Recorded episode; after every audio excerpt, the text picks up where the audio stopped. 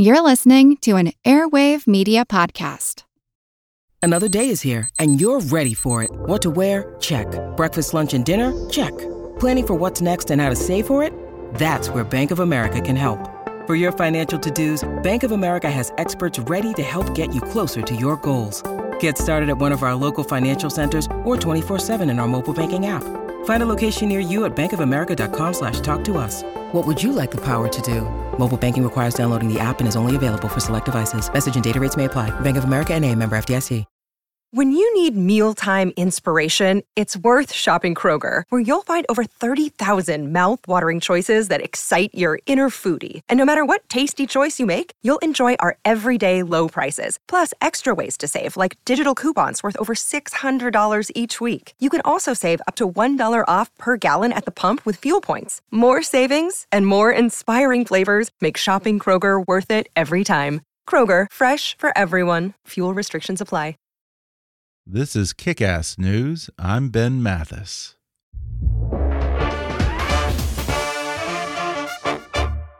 That blue represents millions of dollars and countless jobs.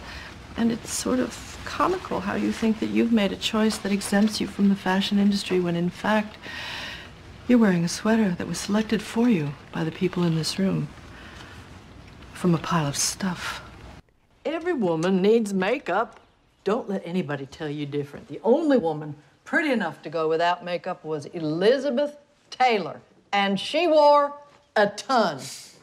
In the pursuit of wrongdoing, one steps away from God. Of course, there is a price. I have done battle every single day of my life, and many men have underestimated me before.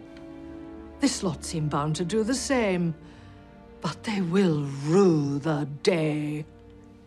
Those were just a few of the iconic performances and many accents of legendary actress Meryl Streep.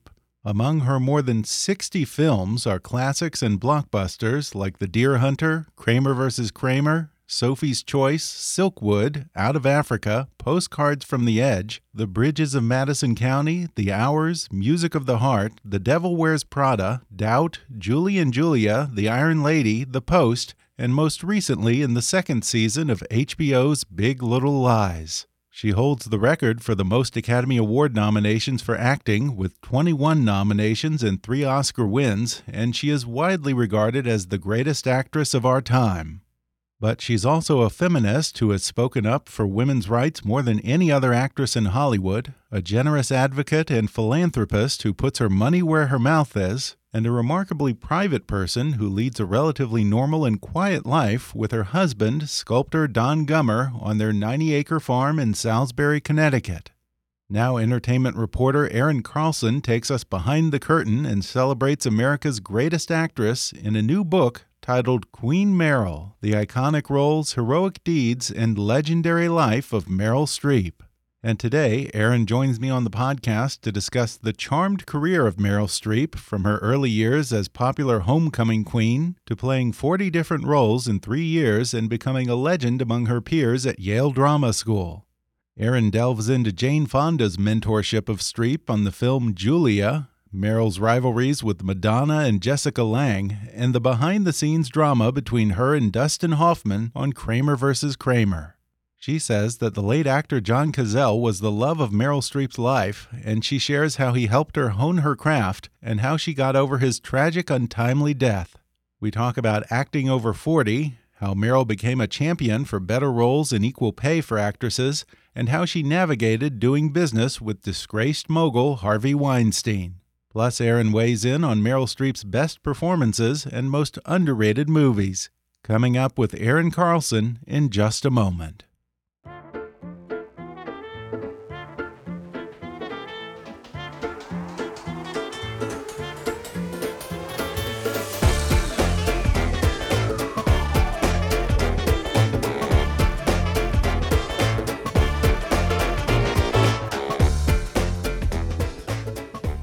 Carlson has covered the entertainment industry for The Hollywood Reporter and the Associated Press, and her work has also appeared in Glamour, Fortune, and the Los Angeles Times. She's the author of I'll Have What She's Having How Nora Ephron's Three Iconic Films Saved the Romantic Comedy. And now she writes about the woman who is arguably the greatest actress of our generation, and perhaps any generation, in her latest book, Queen Meryl The Iconic Roles, Heroic Deeds, and Legendary Life of Meryl Streep. Erin, welcome to the podcast. Thanks for having me. Well, Erin, I think we can tell from the title that you have a lot of admiration for La Streep. Uh, do you consider yourself a Meryl superfan? Um, of course. I mean, who isn't a Meryl super fan? Donald I Trump. feel like there's a Donald Trump. Oh my God, how did I forget about Trump? Um, I try to forget about Trump, but you can't. Yeah. Because he's everywhere. Um, and you know, he was the one that who tweeted um, in that 3 a.m. toilet tweet that she was the most um, overrated actress in Hollywood. Right. But I think that even made her stronger than before because we all, all of the streepers, we closed ranks around her and protected her, and they were, we were like, no, you're you're completely wrong. Right. And the irony is that he said that the day after she received a Lifetime Achievement Award at the Golden Globes. I mean, leave it to the Donald to tweet something totally inane. well, I should tell people that this is technically not an authorized biography, although I doubt that there's much that Meryl Streep would object to in this book. When you decided to write the book, did you reach out to her to ask for her participation? Oh, of course. Um, there were letters and various overtures. And the thing about Meryl is she's so, so private. Yeah. And she's not going to talk about how great she is because that would be the most egotistical thing ever. so she's going to leave it to me, her biographer, to do that for her. Yeah, you describe an interesting situation in the book shortly after the miniseries Holocaust aired. And she's walking around New York City and a VW van drives by, and some guys lean out the window and yell, Hey, Holocaust! Hey, Holocaust at her. And how surreal that was for her. Has she ever been very comfortable with her fame? No, it's funny that you mentioned that. And she was so disturbed by that episode that uh, she unlisted her phone number because fans were calling her already. And that TV movie was extremely popular and it enhanced her profile. And then she went to do movies, which made her even more famous. And in 1980, she got the cover of Newsweek. And the headline said, A star for the 80s, Meryl Streep. And she was hmm. kind of horrified by that. So she was taking the subway and she saw the magazine down in the subway and she felt that it was so surreal to be that famous because she didn't want to be that famous because she's an actress and her bread and butter is observing people out in the wild as inspiration for her roles. Yeah, and she seems to have had a similar relationship with awards because I know that early on she would say that she didn't believe in awards that put one actor's performance against another. And yet, she admits that she also craves the accolades. Now that she's set the record for Oscar nominations, do you think that her love hate relationship with awards leans a little more toward love than hate? Oh, she loves to win.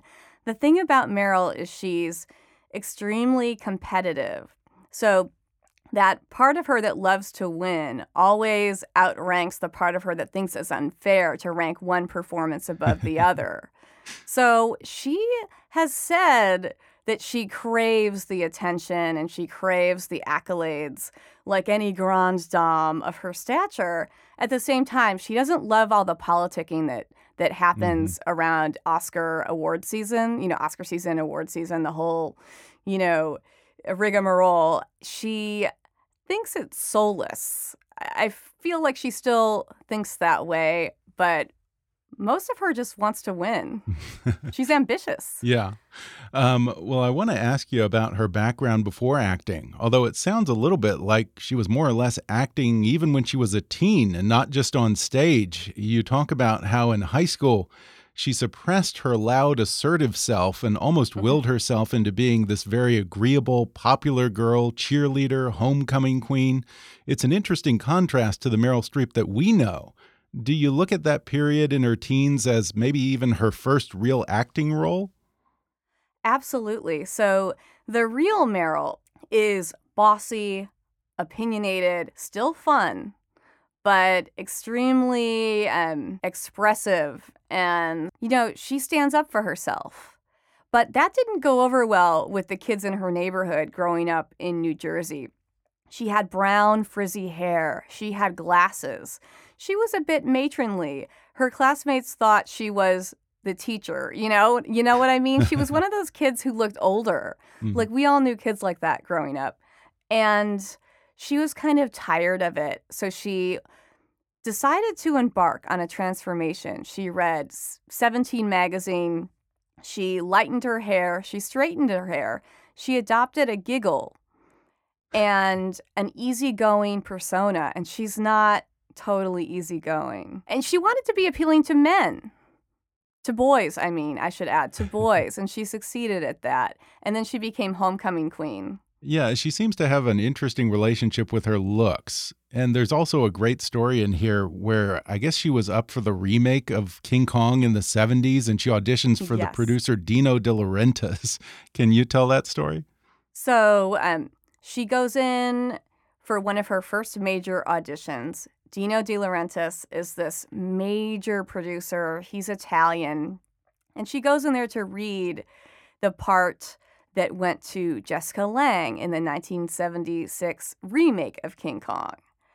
And she walks in, and Dino says to his son in Italian, This is so ugly. Why do you bring me this? Little does he know that Meryl went to Vassar and studied Italian at Vassar, and she can understand every word he's saying. So she responds to him in Italian I'm sorry you don't like this. This is, but this is what you get. What you see is what you get. Then she stood up and walked out. wow. she Good failed the audition. Needless to say, Jessica Lange won it. Uh, yeah, but in the end, I suppose it kind of worked out in her favor because, as I recall, that was not the best of the King Kong movies, was it? Oh, no. I mean, um, a fun role for Jessica, but I think uh, Meryl dodged a bullet there. Yeah. And it's funny with Jessica Lange, she has never really been jealous of any other actress mm-hmm. except for Jessica Lange. Really? Meryl always wished she was more beautiful, more conventionally beautiful. She always wanted, you know, Jessica Lange's legs. Um, she was jealous of Jessica's role as Patsy Cline in Sweet Dreams. Huh. And Meryl had always wanted to sing, loved Patsy Cline. So she just ached for that role. And she lost to Jessica Lang, and it always haunted her. Later, she realized that it was a huge waste of time wishing she were more beautiful. But a big part of her um, wished that she had that face that mm-hmm. could just say it all. Like, especially in a romantic role, like in French Lieutenant's Woman, um, which required her to, to be this elusive Victorian beauty, Meryl felt like she couldn't pull that off. That's fascinating because I was wondering if she's ever had any kind of a famous Hollywood rivalry along the lines of her and uh, Goldie Hawn in Death Becomes Her or Crawford versus Davis. Is that the closest thing? Oh, it was so. I was. Uh, being um, a journalist and biographer, I was sort of hoping for one of those. um, Sorry, Meryl. Sorry, Meryl. Um, I would say there might have been a one sided rivalry with Meryl and Madonna. yeah, because so, yeah, because what Madonna took Evita from her, and then she later took uh, what was the film from Madonna? Music of yeah, the Heart. Music of the Heart. So yeah. Meryl has one-sided rivalries with actresses uh, when it comes to roles where she would get to sing. Mm-hmm. So she had seen Patti LuPone on on stage in Evita in 1979, and she just desperately wanted to sing that part, which I think she would just nail. So in the late 80s, Oliver Stone was going to do the movie adaptation mm-hmm. with Paula Abdul choreographing, and uh, Meryl did a dub. She was, you know, all signed on, but salary negotiations forced her to walk away. And then Oliver Stone walked away too. And then a few years later, when she heard that Madonna, you know, had taken the role of Evita, she said jokingly, or maybe it was half jokingly, I could rip her throat out. wow. One thing that stands out about her in this book is that she's almost led sort of a charmed career because even when she was starting out at Yale, you say that she was a little bit of a minor celebrity among her peers. In fact, they even nicknamed one of the acting classes Meryl's class. And then she moves to New York and almost instantly starts getting cast in plays, and she's sort of mentored by Joe Papp at the Public Theater. She wasn't exactly the typical story of a struggling actress paying her dues, was she? Oh, no. I mean, and that was part of the. Um resentment of her toward uh, other ingenues is that she didn't have to wait tables. Well, she Mhm. waited tables at Yale School of Drama or the Yale School of Trauma, however you want to say it. Uh, but she didn't have to. So she basically just got to New York and started working. Um, you know, Joe Papp cast her in her first public theater show, um, Trelawny of the Wells. She had a marginal role but made a big impact. And later um, starred in Shakespeare in the Park and Measure for Measure. And everyone was buzzing about her. Everyone. She was the it girl, but she had the talent to back it up. hmm While at Yale, she spent three years at Yale. She did something like 40 different roles Wow. in three years, and her classmates loved her, but also were sort of jealous of her because she was taking all the good parts. And I guess her big break was the film Julia. And there's another great story in here about her co star, Jane Fonda, actually teaching her how not to miss her mark on set, because that was, I guess, her first film. Did Fonda sort of act as a mentor to her? Absolutely. So, um, like, imagine doing your first movie and acting scenes opposite Jane Fonda, and you're a young actress, and Jane Fonda is, you know, or Meryl said she had some like a feral quality, a feral alertness. Um, nobody was more confident than Jane Fonda. And so Meryl was intimidated, but she was loosening up and loosening up and just cracking Jane up, just making Jane laugh. And um, they had to film another, you know, they had to film another take because Jane was like, hey, look at the floor. That's your mark. You need to stand it on that mark. Otherwise, you're not going to be in the movie. and, um, you know, get in the light. So it's those little things that Meryl didn't know that Jane sort of taught her and um, was really a mother hen. Then when Jane got back to LA, she was telling everyone about this, you know, amazing young actress that she met and opened doors for Meryl that Meryl didn't even know about. And this was around the same time that she had an ongoing relationship with the actor John Cazale, who people probably know best as Fredo from The Godfather. They lived together for something like three years, maybe four years, and then it ended in tragedy when he was diagnosed with terminal cancer. She was by his side through this gradual decline, and he eventually passed away. How did his death impact Meryl? Oh, she um she was devastated. Um I truly believe this was the love of her life. I mean, she's in a long happy marriage, but I believe he was her maybe first and greatest love. Really? He wow. under yes.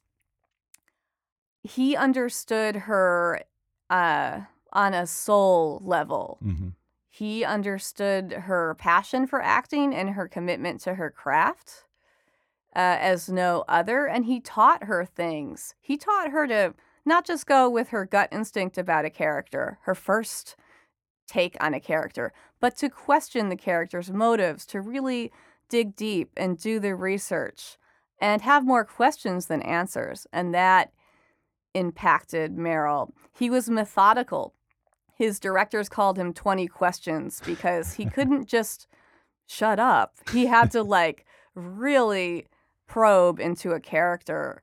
In that sense, he was quite a perfectionist. hmm Well, since you brought up her husband, she's been married for decades now to the sculptor Don Gummer. We don't really know that much about him. What is their marriage like? I think Don would prefer it that way. Right. and she probably Um, would too. I mean, she's very private. Oh, yeah. September 30th will be their 41st wedding anniversary. She married him six months after John Cazale died. And um, she had to leave their home in Tribeca. And Don was a friend of her brother's. So Don was like, hey, I'm going to go on a trip around the world. You can stay at my place while I'm gone. So she wrote letters to him and they were pen pals.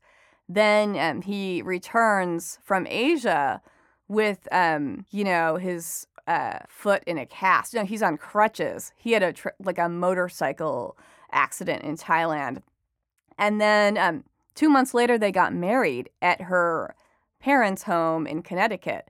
And her mom goes to Joe Papp, the founder of the Public Theater.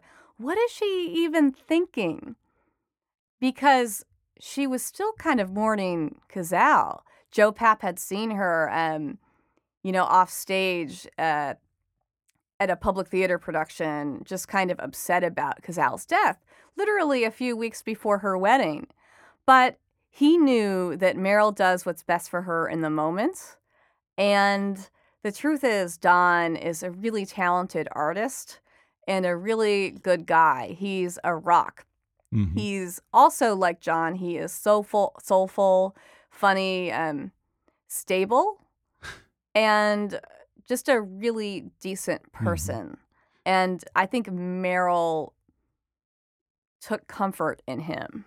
And they've now had four children together who, by all accounts, are well adjusted, happy, successful. The exact opposite of the postcards from the edge Hollywood kids type story. uh, in fact, I think that one or two of them have followed in her footsteps into acting, right? Oh, yeah. Um, um, Mamie and Grace. So she has four kids um, Henry, Mamie, Grace, and Louisa. Henry's a musician. He is, you know, very oldest child, very understated, and a little off the radar. But Mamie and Grace have made an impact on Broadway. Um, they've been on television and in movies. Um, Mamie's first big appearance was as Meryl's uh, toddler daughter in Heartburn in 1986. And the camera would stop rolling and she'd be like, go again? Like she got the bug.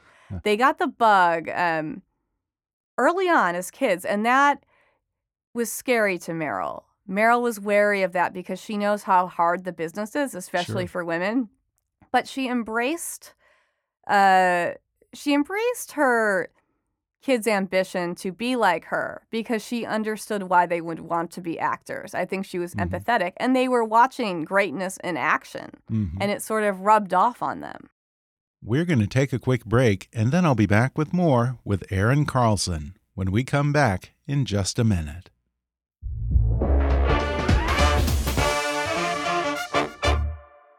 Folks, you know what a history buff I am, so I want to tell you about a fun new podcast from Stitcher called Lost at the Smithsonian.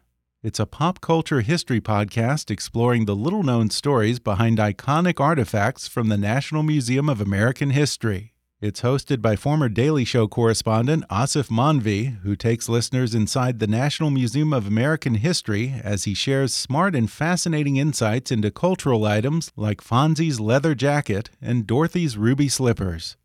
Along with National Museum of American History curators and celebs, Aasif traces just how these special objects came to define our culture. Listen and subscribe to Lost at the Smithsonian right now on Stitcher, Apple Podcasts, or your favorite podcast app. And now, back to the show. Well, I want to ask you about her first Oscar winning performance in Kramer versus Kramer.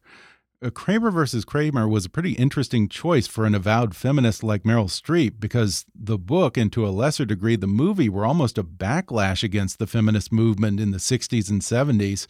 But ironically, it's also probably the film in which she had the most creative input. Talk a little about what you call her insertion of subtle feminism into Kramer versus Kramer. When she got the script for Kramer versus Kramer, she didn't love it and she told the director Robert Benton and the star Dustin Hoffman that she wanted to um, humanize Joanna and make her more sympathetic because the book and then the script had cast Joanna as the villain, the the bad mommy who leaves her 8-year-old son, her adorable 8-year-old son, with her husband and goes off to California to find herself. But she wanted to elicit audience sympathy for Joanna and what she was going through because in her opinion, Joanna Kramer was depressed. And huh. there wasn't really a language, and there was certainly a, a stigma about that back then, where you weren't really allowed to talk about depression or mental illness. And um, that's what Joanna had. And Meryl thought that she was courageous by making that decision that her son would have a better life with his stable father than with his mother, who was going through some stuff and just needed to figure stuff out. So Meryl really advocated for her character. She rewrote the dramatic courtroom scene um, to make it um, more sympathetic. And people were in shock. They loved her speech. She did take after take after take and nailed it. And Robert Benton was like, No, you got to save your stuff. You know, save up your stuff because we're going to do a lot of takes but she nailed it each time, a little different each time. And I think the movie was better for it. And in a case of life imitating art, there was also some famous behind the scenes drama between her yeah. and her co star Dustin Hoffman on that film. What was at the root of the friction between them? Oh my gosh. So Dustin was amazing in this movie, but he was also a huge jerk. and speaking of characters who are going through some stuff. Uh, he was going through a divorce with his wife, Anne Byrne. She left him after 10 years because she wanted to revive her dancing career. And so he had, I think he was projecting his feelings about his wife onto Meryl because he's a method actor. He was trained in the actor studio. So you right. mine your personal life and trauma in order to inhabit a character. And Meryl doesn't do that. She works from the outside in. So she does all of her advanced research, but she gets into character through um, observation, costume, and makeup. So that was their friction because they had different acting styles. What is her process when she's preparing for a role? Does she do a lot of research? Uh, how does she do the accents? Does she have a dialect coach? No, she doesn't. Um, she's done 12, 12 different accents, I counted. and um, she has only used a coach for Sophie's Choice because she had to learn Polish and German. And then she had to learn a Polish accent. I mean, she can do the accents, but it's harder for her to learn the languages, obviously. So she mm-hmm. definitely needed a tutor for that. Hmm. But she is a uh, bit of a wallflower. So for um, Silkwood, she went to the mall in Texas and observed how people talk and uh, adopted that Texas twang. And she's a mimic. So she's had this ability ever since high school where she wasn't the greatest student, but she was placed in the advanced placement language classes because she couldn't master the grammar. She hates grammar but she could master the accent and the dialect. Really? So she has an amazing ear. And she, I think, single handedly transformed the, the dialect industry. I mean, I've had a dialect coach tell me this for the book, but um, she became the standard uh, to whom other actresses and actors, I should say, uh, compared themselves because after Sophie's Choice, everyone's like, shit, excuse my language. I want to win an Oscar. I better hire a dialect coach. Right. And if you didn't, if you couldn't master an accent, oh, she made you look so bad because Robert Redford was supposed to do a British accent for Out of Africa. But a week before filming, he's like, no, I'm going to stick with American. and he got some flack for that because uh, Meryl went above and beyond and is doing this Danish aristocratic accent. But Robert Redford, who got top bill- billing, uh, he couldn't. He couldn't even talk British. Eh, now, most of the great actresses of Hollywood's golden age, like, say, Lauren Bacall or Ingrid Bergman, had a certain type, and they were famous for playing certain kinds of women on screen. Meryl, on the other hand, she's all over the place from an Italian war bride to Katharine Graham to a nun. It's very hard to pin her down. Are, are there certain hallmarks to a Meryl Streep movie, or are there certain things that she looks for in a role? Yeah. Um, so obviously, I've thought a lot about this, and um, there's a common thread uh, between her best characters, and I think it's they are tired of pleasing others, mostly pleasing men, in order to be accepted by society. So I'm thinking um, Lindy Chamberlain in A Cry in the Dark. That was Meryl's first big true crime role where she was playing a woman who was falsely accused of killing her two month old daughter, who, in truth, was taken by a dingo in the outback. Right. That's where the phrase "the dingo ate your baby" came from. A dingo, maybe a dingo ate your baby. Um, Elaine from Seinfeld. oh, look at the accents with you here. That's impressive. Oh, it's funny you say that because um, I can pick up accents because I watched, oh gosh, like 65 Meryl movies. So I was watching Antiques Roadshow the other day because I'm a nerd like that. And there was a, a woman from New Zealand. And the show, they were doing an episode in Palm Springs. And my husband is like, what accent is that? I was like, that's New Zealand because A Cry in the Dark, her character grew up in New Zealand and then um, moved to Australia. So she had Australian with a tinge of New Zealand. But I know the difference now. And That's um, great. I had met a Polish woman and it was like, oh, you're from Poland because I had seen Sophie's Choice. Oh so I feel like I've traveled the world with Meryl. It's, Yeah. it's kind of funny. Wow, that's amazing. So she's helped you pick up accents when you're out and about now, huh? Absolutely. Well, I wonder, what do you think is her most underrated performance? Maybe a movie that wasn't terrific, but she was great in it. um, it's a movie called Ricki and the Flash. Okay. which came out in 2012.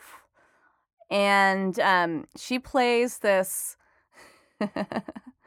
she plays this um, rough around the edges uh, cover band performer, kind of this deadbeat mom who leaves her family behind in Connecticut to go chase her rock star dreams and just kind of falls through the cracks and like she's you know singing Tom Petty songs in Calabasas or no in Tarzana in the valley Okay. and trying to make it and she's um like a George Bush supporter and she's like I support the troops don't we all? But she obviously has never read a newspaper you know? She's just not really introspective. She's an unlikable kind of ignorant character but you like her um, because little by little Meryl peels the layers back and reveals a woman who on the surface just seems like an idiot but is actually somebody who is wise and brave and lives their truth and is actually a good mother because she goes back to Connecticut. Her daughter has attempted a suicide attack and she helps her daughter recover. And it's wonderful to see. And also, Okay. Mamie Gummer. Mamie Gummer was in that movie. That's her daughter, right? Her daughter was going through a divorce Wow. at the time from Benjamin kidding. Walker. Huh. Well, I got to see that. That's one I have to add to my list. I've seen a lot of Meryl Streep movies, but I don't think that I've seen that one. Now, Yeah. in the early 90s, her career takes a bit of a slump, not coincidentally around the time that she turns 40. And in 1990, at a Screen Actors Guild National Women's Conference, in fact, I think it was the first conference that they ever held, she gives this famous keynote emphasizing the lack of opportunities for women, pay parity, female role models in the industry. This was back when Hollywood was still very much male dominated. I don't think that Sherry Lansing would take over at Paramount for another two years. Did she receive a lot of backlash from the boys' club for that? Yes, definitely. So she was just, you know, she had two Oscars to her credit, but she was still making half as much as her male co stars. So in the mid 80s, that was Robert Redford and Jack Nicholson. And she was just pissed off about that because here she was, this decorated actress, and she still had to prove her worth and her value. And in Hollywood, that's measured in, you know, box office and, um, you know, your salary and blah, blah, blah, blah, blah. So um, she was also pissed that, for instance, Rick Moranis was making just as much money as Michelle Pfeiffer. That's Catwoman. She's like, how could how could that happen? Yeah. So she gave the keynote speech at uh, the Screen Actors Guild's first women's conference, and it was super fiery. She went off on um, the salary disparity between um, men and women, you know, actors, and how all the good roles for women were being reduced to, in her opinion, and she was exaggerating, prostitute roles. She said something like, um, Given all the role, good roles that women had this year, you would think the chief occupation for us is hooking, and I don't mean rugs. so I reference Pretty Woman. She Yeah. went off on Pretty Woman, which was the biggest movie of that year and had a breakout star in the form of Julia Roberts, who was 19 or 20 at that time. So it was annoying for, I'm sure, Julia and other actresses to see Meryl, you know, Queen Meryl with her Oscars, you know, take a platform like that because, in their Mhm. opinion, they were lucky enough to get a role like that. They would be so lucky to get a role like Julia Roberts. And who is Meryl to tell them, um, you know, don't take that role, it's bad for women, or to talk down to them when they were just trying to work in a man's world. So she wasn't seen as heroic, she was seen as petulant, Mhm. and other actresses distanced themselves. Um, what they didn't realize was that she was throwing a, down a lifeline for them to speak up 20 years later. Mhm. You know, when Me Too started, you know, feminism started rumbling again. It wasn't a dirty word anymore. And then Me Too happened. Other actresses felt compelled to speak out because she had been doing it for so long Mhm. and she paved the way. Well, I have to ask then when she accepted her Oscar for The Iron Lady, uh, she singled Mhm. out Harvey Weinstein for special thanks, calling him a god. That kind of came Mhm. back to haunt her. Uh, they had worked together, I think, on quite a few films, and she later got some flack for her praise for him. What can you tell us about their relationship? I feel like you always have to be careful what you say too. Like it's always going to come back to haunt you, Sure. um, as we've learned with cancel culture. But um, she called um, Harvey God, the Old Testament version. So there was a little bit of a wink in that comment. And the okay, truth so is, a vengeful god, in other oh words. yeah, I think sh- she she knew he was a jerk, but I feel like he is an abuser, and abusers hide their abuse. Mhm, Um, they target victims who don't have a lot of power. mhm. So I think he saw Meryl as an equal. I think he was afraid of her. I think that you know, like his great lengths to surveil his victims. I think he went through great lengths to keep his behavior a secret from stars like Meryl. Even though she had starred in a number of his films, the only time she was in his office, she said, was when she and Wes Craven, the director of Music of the Heart, went to his office in Tribeca to talk about that film in like 1999. And I don't think that a lot of people know just how much she has done for women and supporting feminist causes like the Museum of Women's History and other projects.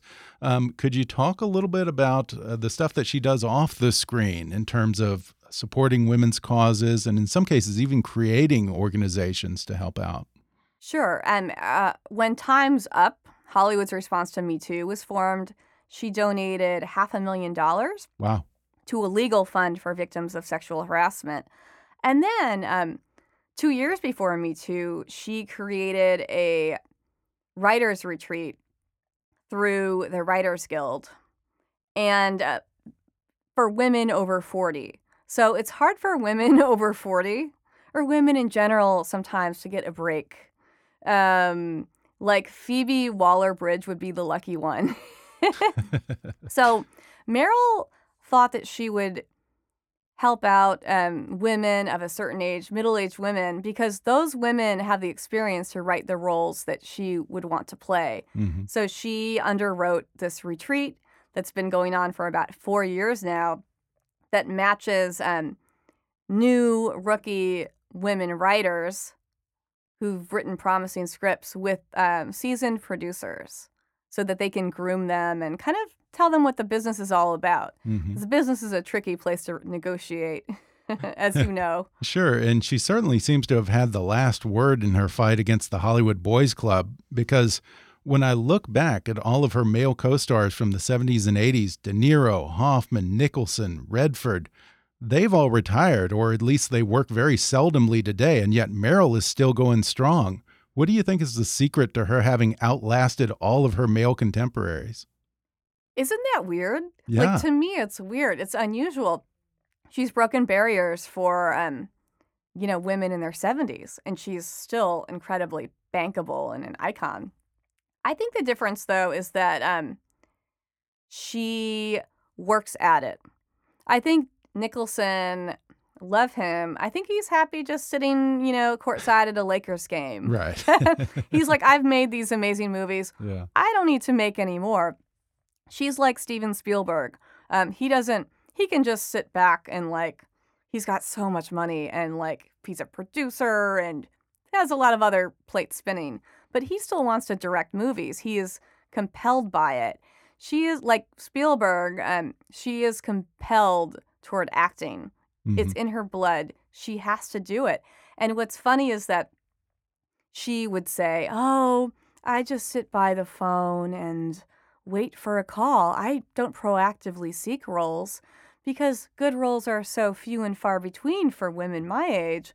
The truth is, she actively pursues them, and she's not upfront about that. Uh, Interesting. for instance, um, Little Women is coming out. Greta Gerwig's remake is coming out Right, in yeah. December. Greta Gerwig directed Lady Bird, which was a phenomenal movie, and Meryl saw that. I'm sure loved it. When she heard Greta was doing Little Women, she lobbied for that part as Aunt March. Oh, and um, huh. Greta wasn't like not not going to give it to her. I mean, Meryl lends star power, credibility. Sure. But Greta also gives uh, Meryl relevance. So Meryl has been extremely good, even going back to Spike Jonze and adaptation, at sustaining her career through working strategically with younger, hot talent. Yeah, absolutely. And she's nurtured a lot of them. And I mentioned a minute ago the Oscar she won for The Iron Lady. Uh, Streep is pretty well known as a political liberal, sometimes more outspoken than others. What was it like when she starred as Margaret Thatcher in The Iron Lady? How did she portray someone whose politics was so diametrically different from her own? Oh, that's Meryl for you, though. Yeah. she's always um she's always surprising us um always kind of wanting to push back against expectations of what she would do so she was attracted to margaret because there are tons of biopics about like male politicians Mhm. you know like uh, nixon uh, there's just so many so many that have been done throughout the years but this was the first movie about a prominent woman politician. And I think she was attracted to that, not because of Thatcher's politics, but because of what that role represented for women. Well, real quickly before we go, I have to ask what, in your opinion, is the best Meryl Streep performance of all time? Oh my gosh, that's like uh, having me choose between my children. Oh, that's a bad joke. That's a bad joke. That's a uh, that's so cliche. Um, my favorite performance or her greatest performance? Uh, well, okay, let's do both then. Okay, greatest performance, Silkwood. hmm My favorite performance, Devil Wears Prada. okay, a little guilty pleasure there. Mm, yeah. yeah, for I, it's funny. I think that probably her last performance was her best, in my opinion. I loved her in Big Little Lies. Oh my God. I, I just thought that she was just so incredible, and that character was so nuanced. The fact that she was this kind of quiet, mousy little grandmother who had this agenda and was so passive aggressive, and the way that she would test boundaries and then feign ignorance and innocence. I mean, I thought she was absolutely brilliant in that one. Again, the book is called Queen Meryl The Iconic Roles, Heroic Deeds, and Legendary Life of Meryl Streep. Erin Carlson, thanks so much for talking with me. Thanks so much for having me. Thanks again to Erin Carlson for coming on the podcast. Order her new book, Queen Meryl The Iconic Roles, Heroic Deeds, and Legendary Life of Meryl Streep on Amazon, Audible, or wherever books are sold. If you enjoyed today's podcast, be sure to subscribe to us on Apple Podcasts and rate and review us while you're there. Five star ratings and detailed reviews are one of the best ways for new listeners to discover the show. You can also follow us on Facebook or on Twitter at, at KickassNewsPod and recommend us to your friends on your social media. For more fun stuff, visit kickassnews.com, and I welcome your comments, questions, and suggestions at comments at kickassnews.com. For now, I'm Ben Mathis, and thanks for listening to Kickass News.